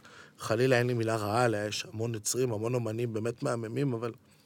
הקונספט הזה של בוא נעצור רגע ללהקה ובוא נמשיך אחרי זה למסיבה עם הדי-ג'יי באירוע חברה, כבר לא, כבר לא מריח, הוא כבר לא מעניין אף אחד יותר, ואנשים פתאום, אתה מזהה צורך שאנשים שרוצים רייב. רוצים מסיבה. אנשים רוצים רייב. לגמרי. אנשים רוצים רייב. עכשיו, איזה אני, טירוף. אתה נפתח עוד התחתנתי... עולם חדש. התחתנתי באוקטובר 2019, התחתנתי בחוות רונית בחוץ, ביום שבת, שזה היה יום לפני ערב סוכות, בחתונה שהתחילה בשש אחרי צהריים בערב ונגמרה בשבע בבוקר.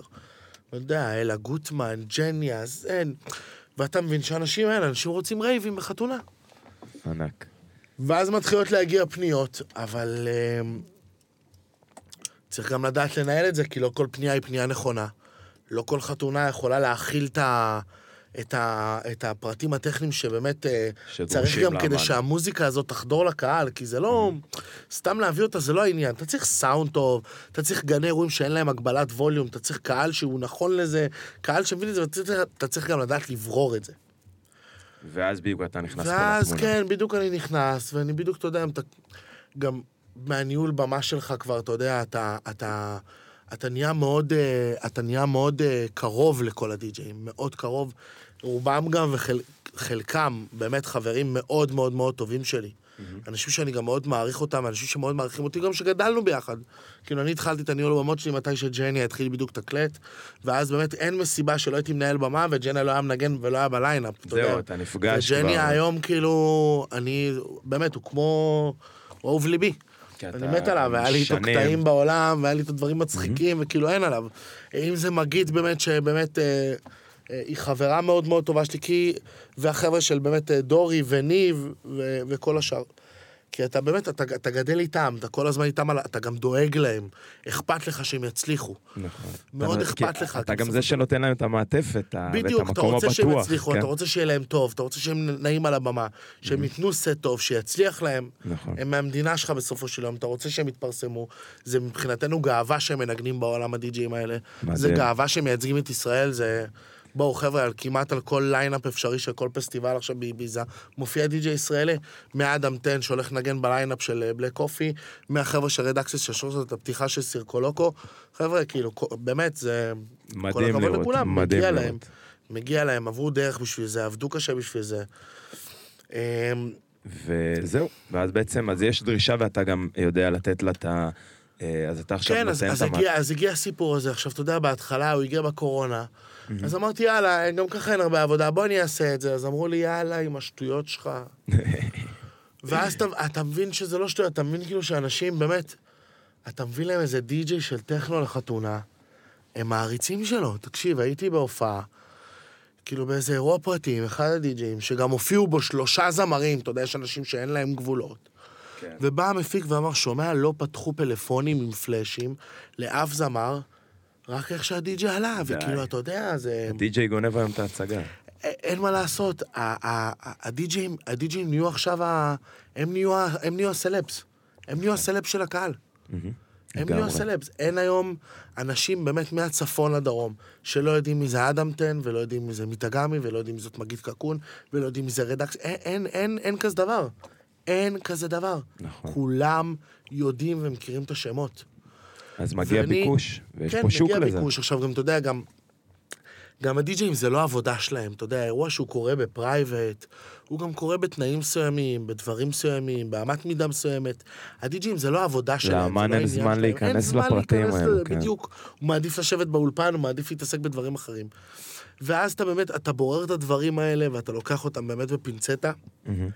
ואתה מאוד מקפיד שזה יישמר באמת בסטנדרטים של האמן, ואתה גם מצד שני, מצד אחד גם בא ואומר, יש פה משהו, יש פה משוואה מאוד פשוטה.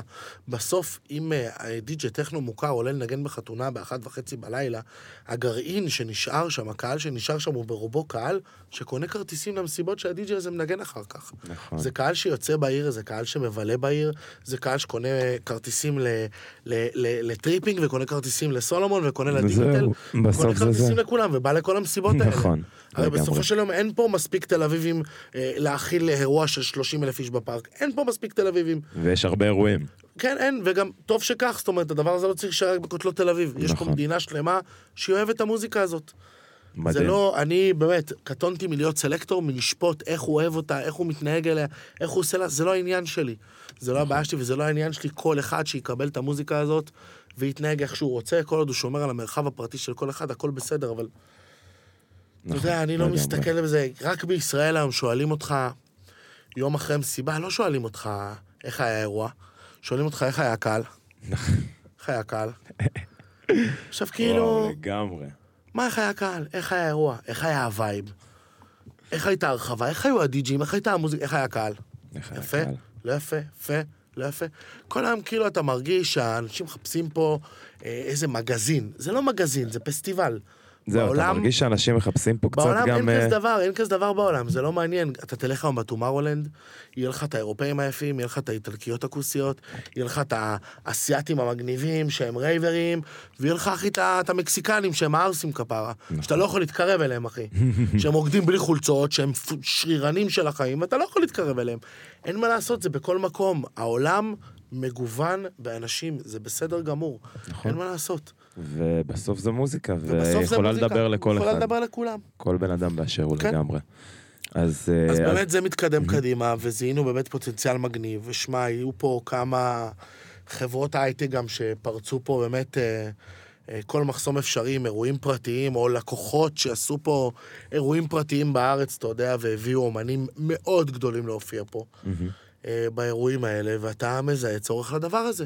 אתה מדהים. מזהה צורך לדבר הזה. וזה גם עוד דרך, אני חושב, להפיץ את המוזיקה שלך בסופו של יום. ממש. הקהל הזה מצביע ברגליים, הקהל הזה הוא ההשמעות שלך בספוטיפיי, הקהל הזה הוא הלייקים שלך באינסטגרם, המערכת הזאת בסופו של יום באמת עובדת, ככל שהמוזיקה שלך תהיה יותר טובה, המערך שיווק שלך ידע לקבל את הדברים האלה יותר טוב, לעבוד יותר טוב, השיווק שלך יגדל יותר גדול, וככה אתה גם תהיה יותר גדול. זה בסופו של יום המטריה הזה, המטריה הזאת. אתה צריך שתהיה לך מוזיקה טובה, ומשם זה יעבוד. כי אם לגמרי. אתה, אם אין לך מוזיקה טובה ויש לך מערך שיווק טוב, זה יעבוד לזמן מסוים. כן, לפרק בסופו זמן של יום מסוים, הקהל יודע. להצביע ברגליים. והוא גם צריך לשמוע באוזניים את ה... באמת את המוזיקה. צריך לשמוע את הבן אדם הזה. נכון. אגב, נושא חשוב היום, שהיום גם יש כל כך הרבה יוצרים מוכשרים שפה בארץ, שצריך, זאת אומרת, נהיה הביקוש לשמוע, אה, אתה יודע, את הטרקים, זאת אומרת, מה יוצא מהבן אדם. זאת אומרת, היום חשוב להיות יוצר גם בעולם הזה, לא? תראה, מה אתה, מה אתה, כי די-ג'יי, אם אתה די-ג'יי מעולה, זאת אומרת, אה, אני יכול, יש לי כמה יש דוגמאות המון בראש, אנשים אבל שאומרים שאתה זה מקצוע בפני עצמו. צריך להיות יוצר כדי להצליח. זה לא כזה מדויק. בסופו של יום, גם בתור די.ג'יי שמגיע לנגן שעתיים, אתה צריך לדעת להיות תקליטן טוב. נכון, תקליטן טוב זה אומר שאתה צריך לדעת להבין את הקהל, לקרוא את הקהל, להבין באיזה סאטלה הקהל נמצא, להבין באיזה מימד אנשים נמצאים, ולדעת איך לגרום להם לעלות מימד אחד קדימה. אתה צריך גם לדעת להבין את הקהל. יכולה להיות לך את המוזיקה הכי טובה בעולם, אם אתה לא תדע להבין באיזה סלוט התיישבת לנגן, מי ניגן לפניך, מי ניגן אחריך, מי מנגן אחריך, איפה אתה מנגן במשבצת ובאיזה מצב אתה מקבל את הקהל, ולא תדע מה לעשות איתו נכון, זה לא יעזור. לא, לא משנה מי תהיה, אתה לא תפגע. וזו הנקודה שגם להיות די-ג'יי ולא רק יוצר, זה מקצוע ועולם שלם בפני עצמו. זה עולם, קריאת קהל זה עולם שלם בפני עצמו. בפני עצמו. עולם לגמרי. שלם בפני עצמו. זה בסופו של יום הרי ה vision שלך, שאתה מנסה להביא אותו לקהל, אתה מנסה להבין מה הקהל רוצה גם. אתה כל הזמן מנסה לפענח נכון. את זה, אבל בסופו של יום אתה מביא את האני שלך על הבמה, מה אתה חושב שיעשה להם טוב. עכשיו, הכל שאלה של אם זה באמת יעשה להם טוב, אם פגעת בזה. נכון, אם הצלחת ליצור moment בדיוק. מסוים. הרי ו- תמיד במאה אחוז, תמיד יהיה לך אנשים ש... אה, אתה לא יכול לרצות מאה אחוז, אין כזה דבר. אבל... כן. אתה יכול ליצור vibe מסוים אתה שהוא... לא, אתה לא חייב להיות יוצר כדי להציע, יש המון די-ג'אים, המון די-ג'אים באמת שהם לא נכון, יוצרים. זה מה שאני אומר, יש לי כמה לא וכמה דוגמאות. והם אה, באמת מנגנים בלי סוף. בלי סוף. ויש גם המון יוצרים שבסופו של יום עולים על הבמה, והמוזיקה שלהם היסטרית, אבל הם לא יודעים להעביר אותה נכון. אם זה שהם לא פרפורמרים על הבמה, או אין להם, אתה יודע, לא עוברים במה. לא עוברים במה. כן. אז זה, אני לא חושב שצריך להיות יוצר כדי להצליח. אתה גם יכול להיות די-ג'יי טוב, שיודע מאוד סלקטיבי לקטעים שלך, שיודע לבחור אותם, הרי בסופו של יום, בגלל המהפכה הטכנולוגית שקרתה, מוזרם לדי-ג'יים האלה עשרות אם לא מאות קטעים בשבוע לתוך התיבת מייל שלהם. נכון. כאילו יש להם עשרות אם לא מאות קטעים, יש אין ספור יוצרים שיושבים ועושים מוזיקה וכל היום שולחים ושולחים ושולחים ושולחים, בתקווה שינגנו את זה. אז זה, זה, אני חושב שהפס יצור המהיר הזה, זה מה שמשאיר את התעשייה חיה. האמת שכן, זה מה הפס שמשאיר את התעשייה חיה, מטורף. הפס יצור המהיר הזה. אה, אוקיי, וככה, אז עכשיו באמת גם מעניין אותי בתקופה הזו הנוכחית, אה, יותר אה, ספר לי על פורים, נגיד 22, שמאמין היה לופ אה, מתגלגל. לעומת וואו, עצמאות שהוא 22. ממוקד, כי פורים הוא כן, טיפה עצמאות פרוס מאוד כזה. ממוקד, זה יום כן. אחד. זה סיכול ממוקד. סיכול ממוקד, אבל פורים זה... פורים זה... זה, זה המון שונה. שנים היה לי ככה, זאת אומרת שתמיד היה לנו, היה לי את הרצף הזה. אה, בהתחלה זה היה רצף תמיד של אה, הסטריט פארטי, ואז ישר הגרוב עתק, שהיו עושים את המסיבת פורים שלהם, והיום כבר הרצף נהיה שלושה וארבעה ימים, זאת אומרת, הפורים האחרון, בייחוד אחרי שנתיים שלא היה פה כלום, זה היה פשוט מטורף לראות את זה, באמת. כל הפקה עשתה פה סולד אאוט, מהקטנות לגדולות. אה, הכל עבד, אה, הקהל יצא, אנשים בילו. מהפארק, לחאן, לנוגדים, לעוד בטח, אה, לא, לא, לא מסיבה אחת ולא שתיים שהיו. לגמרי. ואתה תהליך, התנהלותית? אמרתי גם בהתחלה, כן, כן. תהליך, אתה מקבל, אתה יודע, אתה מקבל איזה 40 ומשהו מפרטי אומנים, שאתה צריך להרכיב לכל הדברים האלה ולבנות את הסטאפים ולהבין איך זה הולך לעבוד. אה, עבודה, באמת, אבל אה, אתה יודע, זה רץ. זה הכל ה pre-production שלך בסופו של יום כ... כנותן שירות ב... ב... בפינה הזאת, בפוזיציה הזאת. ופורים יצא טוב, עבר עם אפס תקלות, אתה יודע. מדהים, טפו טפו טפו. אני קורא לזה עבר bulldog style. bulldog style. בדיוק, אתה יודע, זה לגמרי. ככה אני אוהב. הבמות עבדו, הכל טוב, כולם יצאו מבסוטים. לעניין. ההפקות היו טובות, כן, אתה יודע, זה בסופו של יום טוב, זה טוב. זה מביא עוד ומביא עוד, ואנחנו תמיד רוצים שזה יקרה. לגמרי. ולהמשך, אה, אתה מאחל לעצמך להמשיך עם הקיים. כן, תשמע, אני רואה את זה, הכל- אני רואה את הדברים עובדים, כן? אתה נהנה. מהדרך. מעטים האנשים בעולם שהתברכו לעבוד במה שהם באמת אוהבים. נכון. מעטים. כאילו כולם עובדים, כי בסופו של יום אתה צריך לחיות, אתה... אם לא תעבוד, אתה לא יכול לחיות. צריך להתפרנס. בדיוק, אתה צריך. להתפרנס. אבל לא כולם עובדים במה שהם אוהבים באמת. אני כאילו, אתה יודע, אני יצא לי, הזדמן לי לעבוד במה שחלמתי עליו מילדות שאני רוצה לעבוד בו. זהו. אז לאחל את זה לעצמי שזה ימשיך, שיהיה לי עדיין כיף בזה, אתה יודע. זהו. אני אוהב לכבוש יעדים ואוהב לעשות ולהשיג מטרות, ויש לי המון מטרות שאני רוצה להשיג, אבל... יש קדימה. אני, יש קדימה המון, אבל אני יודע, לה- אתה יודע, אני עושה את זה בכיף שלי וב... ב- בקרמה שלי ובלאט לאט שלי, ואני אה, עף על זה ומחכה לי קיץ אה, לא פשוט בעולם גם, יש... אה, כן, יש דברים מעניינים על הפרק. נפתח מאולטרה אירופה לשלוש פעמים טומורולנד, לולה פלוזה צרפת, אני עושה השנה איתם. וואו. שזה, כן, וואו. לולה פלוזה זה משהו מגניב. אני בעצמי מתרגש לראות כזה כיף. פסטיבל גדול. זהו. הקיץ כבר, אה, זהו, באמת מעניין אותי. לגמרי, כבר, הקיץ אה, פתוח, אירופה פתוחה לגמרי, ביזה נפתחה, זאת אומרת, פסטיבלים. ולך הוא. כבר אה, ביומן אה, full? זאת אומרת, הוא- אתה כבר יש לך כן, את מי- החופשות מי- קיץ שלך? חופשות, אני במרכאות. מאמצע- יוני עד אה, תחילת אוגוסט, כל סוף שבוע אני לא נמצא פה. וואו, איזה כל טירוף. סוף שבוע אני במתכונת של שישי ראשון שתי הופעות חזרה. ויוצא לך אולי גם לקחת את אה, אשתך מהם? אתה חושב על זה? זה קורה אגב? אה, גם, היא מחוברת כן, לאירועים, זה קרה? בגלל שגם אני ואבירם מוויני נהיינו חברים מאוד מאוד מאוד טובים. בסופו של יום שדי.ג'י מטייל עם ה tour manager שלו, אז הוא, אם הוא לא חבר שלו, הוא יהיה בודד. מהמם. יהיה בודד, בסופו של יום, אתה יודע... אה, נכון. אה, ניקח את מקרה אביצ'י, שזה מקרה מאוד מאוד מצער, של די.ג'י מאוד כישרוני, שהתאבד במלון כי הוא היה בודד, הוא היה בודד.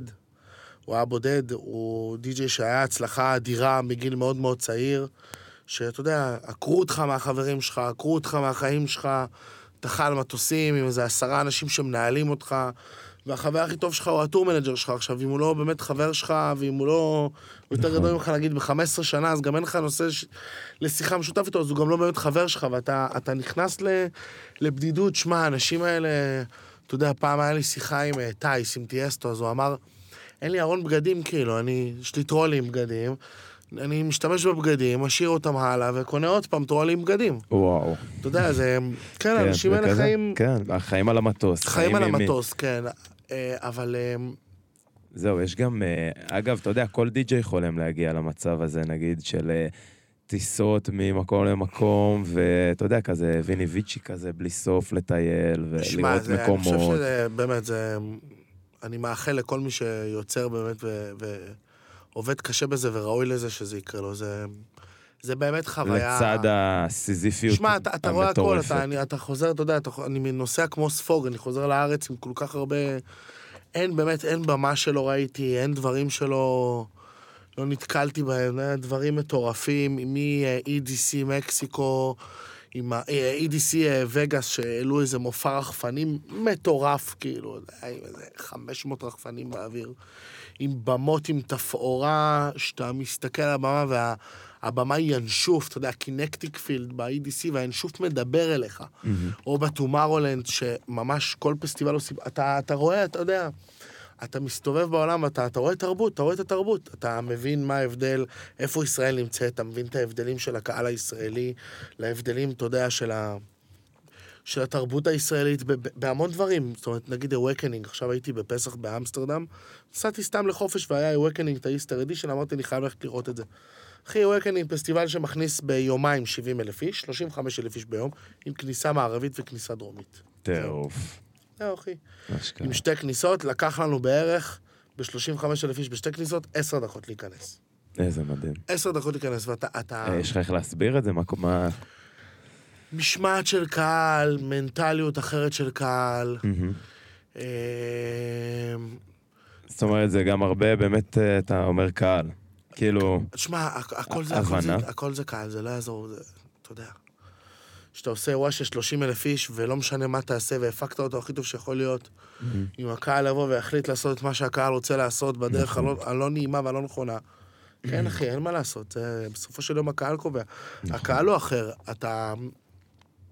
תור זה תור, עומדים בתור, המנטליות היא לחכות, אנשים סובלניים, אתה יודע, לא... כן, אנשים לא, גם פה זה, אני חושב שיש הבנה, כאילו, קודם כל, בוא, יודע, זה גם מתחיל, אה, כולם, יש לכולם, הקהל מתחיל להיות, לקבל כן. חינוך אחר עכשיו מהמסיבות. כן, לאט הקהל לאט, מתחיל וגם, לקבל חינוך אחר מהמסיבות, החינוך הוא מתחיל להיות של חינוך של בואו נרקוד ברחבה, מרחב פרטי, בואו- ואני רואה את זה קורה, כאילו, בואו גם ה- נשחרר שולחנות, המפיקים מתחילים גם לשים. דגש. ה... בואו נשחרר שולחנות, בואו נשחרר את הבקסטייג'ים, בואו נרד לרחבה לרקוד. בדיוק כמו שאירופה עובדת. אתה הולך מדהים. לפסטיבל כמו Awakening, אין לך שולחנות, אין לך כלום, יש לך שש רחבות ריקודים, ויש לך בקסטייג' שמיועד לאולי שני צלמים, שניים, שלושה מוזמנים של הדי-ג'יי, והוא מונמך מהדי-ג'יי גם שאף אחד לא יראה אותו. מדהים. זה לא העניין, באף פסטיבל באירופה הוא לא העניין. והקהל, אני חושב, עכשיו עובר את זה, מהחבר'ה של פיוטר ממורי, גי וכל החבר'ה האלה שמהיום הראשון דגלו, אתה יודע, מהדיגיטל הראשון, ומכל הדברים האלה דגלו שאין להם שולחנות, אין שולחנות, לא רוצים לעשות שולחנות. בואו לרקוד. ופתאום עכשיו שסולומון בעצמאות, לא היה שולחנות.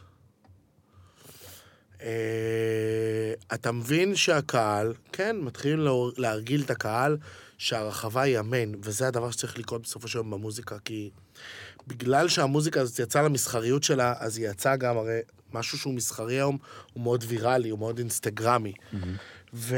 ואני חושב שהמוזיקה הזאת הגיעה לפני הקורונה לאיזה קצה של נקודת שיא שהיא הייתה over אינסטגרמית, over, over לעוסה, over, או- או- over לא אותנטית כזאת. כן, ועכשיו אותנטיות. מנסים, ועכשיו מנסים להוריד את זה, ועכשיו מנסים להוריד את זה. שמע, זה היה כאילו... אנשים לא בכלל מתרכזים במוזיקה עם הטלפון, כל הזמן עם הטלפון, עם הטלפון, אתה יודע. אנשים כדי להיכנס לעמדה ולעשות סטורי, היו מוכרים את נשמתם לשטן כדי שזה יקרה. כן, אה? אתה רואה את זה כל אחד, מקרוב. ואתה רואה את זה מקרוב, ואתה, אתה יודע, אתה... בסדר, זה צריך להיות ויראלי, אבל כאילו... בואו גם ניתן לזה להיות ויראלי בצורה. בצורה הטבעית של זה, ולא... בוא נהנה גם מהרגע, בדיוק. רגע. בואו יודע, לא... רואה לפעמים אנשים שלא עוזבים את הטלפון, ואני, באמת להגיד להם, בוא כן. נהנה רגע מהרגע. עכשיו מצד אחד אתה אומר איפה הגבול, נגיד בבלוק אסור לך טלפונים. עכשיו אני אוקיי. בתור בן אדם, אה, אה, יבוא שמונה שעות למקום, אין, אני אשתגע בלי הטלפון. אני אשתגע בלי הטלפון, עכשיו כן. אין מה לעשות, אתה יודע, זה... לאן העולם הולך? איפה, עוד איפה פעם. הבלנס, בדיוק עכשיו. שמע, רואים, לפי, בדרך כלל לאן העולם הולך, אתה יודע, מודדים את זה לפי מספרים, אין מה לעשות, אתה יודע. שורה התחתונה, אנשים עם אג'נדות כמו בלוק וכמו ברגהיים, תמיד יישארו בעולם אה, שחי סביב, סביב כמה אלפי אנשים. אגב, אין בעיה, זה זה העולם גם ה- שלהם. זה העולם שלהם. זה העולם שלהם. נכון. זה החוקיות שלהם, זה העולם שלהם. לגמרי. זה, ה- זה, זה, זה חוקי המשחק שם, ויש אנשים שאוהבים את חוקי המשחק האלה, ורוצים להיות. חלק מחוק המשחק, מחוקי המשחק האלה, וזה כיף להם וזה טוב להם, ולמה לא? בסופו של יום, אתה יודע, אמ, מוזיקה היא אומנות. מהמם. וכמו שאי אפשר כאילו לפרט, יש לאומנות, אתה יודע, אין סוף פירושים.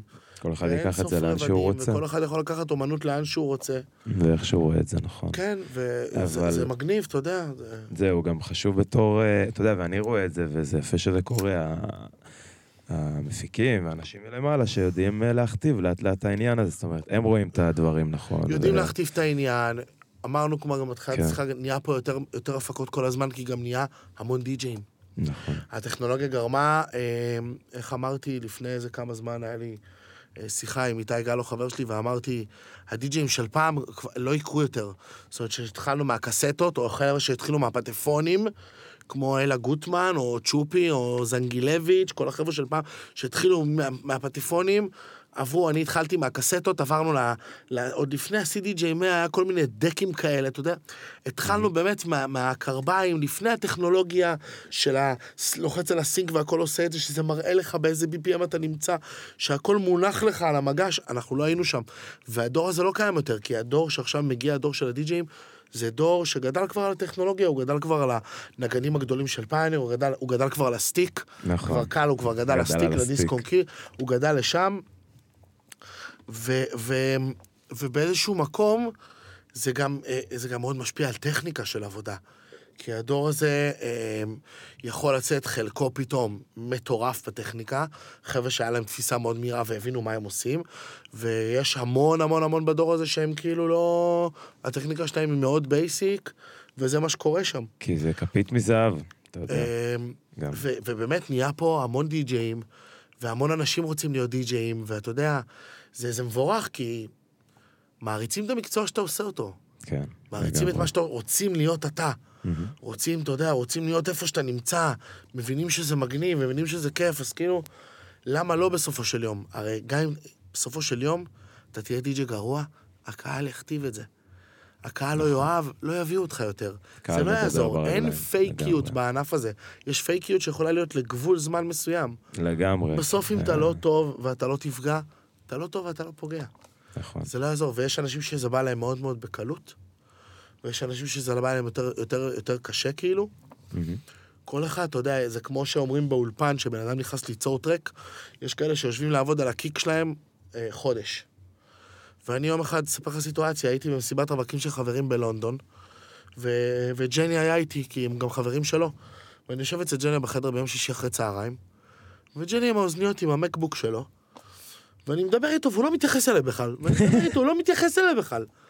ואחרי איזה 40 דקות הוא מוריד את האוזניות, הוא אומר לי, אידה, שמע, קח, מה אתה חושב על זה? אני לוחץ פלא, אני אומר לו, ג'ניה, בוא נעשה פנזונה, מתי עשית את זה? הוא אומר לי, עכשיו. אני אומר לו, רגע, ג'ניה, מה עכשיו? אני אומר לו, אתה עם לפטופ ואוזניות. הוא אומר, נכון. אתה יודע, הוא מסתובב עם אוזניות של אק"ג'י אולפניות. ישב עם הלפטופ שלו 40 דקות, הוציא track. ויש אנשים שזה בא להם ככה, שאתה יודע שהמוח שלהם מצליח לתרגם את זה מאוד מאוד מהר, ויש אנשים שיעבדו מאוד מאוד קשה ליצור את זה. לגמרי. בסוף רק הקהל קובע. נכון, זהו, זאת אומרת, אה, שתיהם יכולים בסוף להגיע לנקודת הסיום והם יהיו מעולים. הקהל צריך לקבוע, כאילו, בדיוק. זה הקהל יקבע, לגמרי.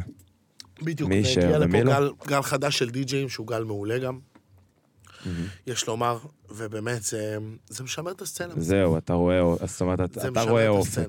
בטח, חד משמעית. מדהים. זה משמר את הסצנה, אנשים רוצים להיות בתוכה, אנשים רוצים להיות אין. אתה יודע, אני, בקורונה אה, אה, היה לי אין סוף אנשים פרטיים שישבו בבית ואמרו לי, "ת- ת- ת- תמכור לי controller ועמדת די-ג'יי ושתי מוניטורים, אני רוצה להתחיל לתקלט בבית. אתה לגמרי, יודע כמה אנשים עשו. עמדות די-ג'יי בבית שלהם, כאילו זה... נכון. זה היה מטורף. ו- זה נהיה היום כאילו ממש פינה זה- מחייבת אתה כמעט יודע, בכל תסתכל דירה. על הדוגמה של אילן עוז היקר, אה, ידידנו העורך דין, שגם היה פה לפניי. לגמרי. אדם. שבקורונה החליט שהוא רוצה להיות די-ג'יי בשביל הכיף שלו, הוא עורך דין בכלל, נכון.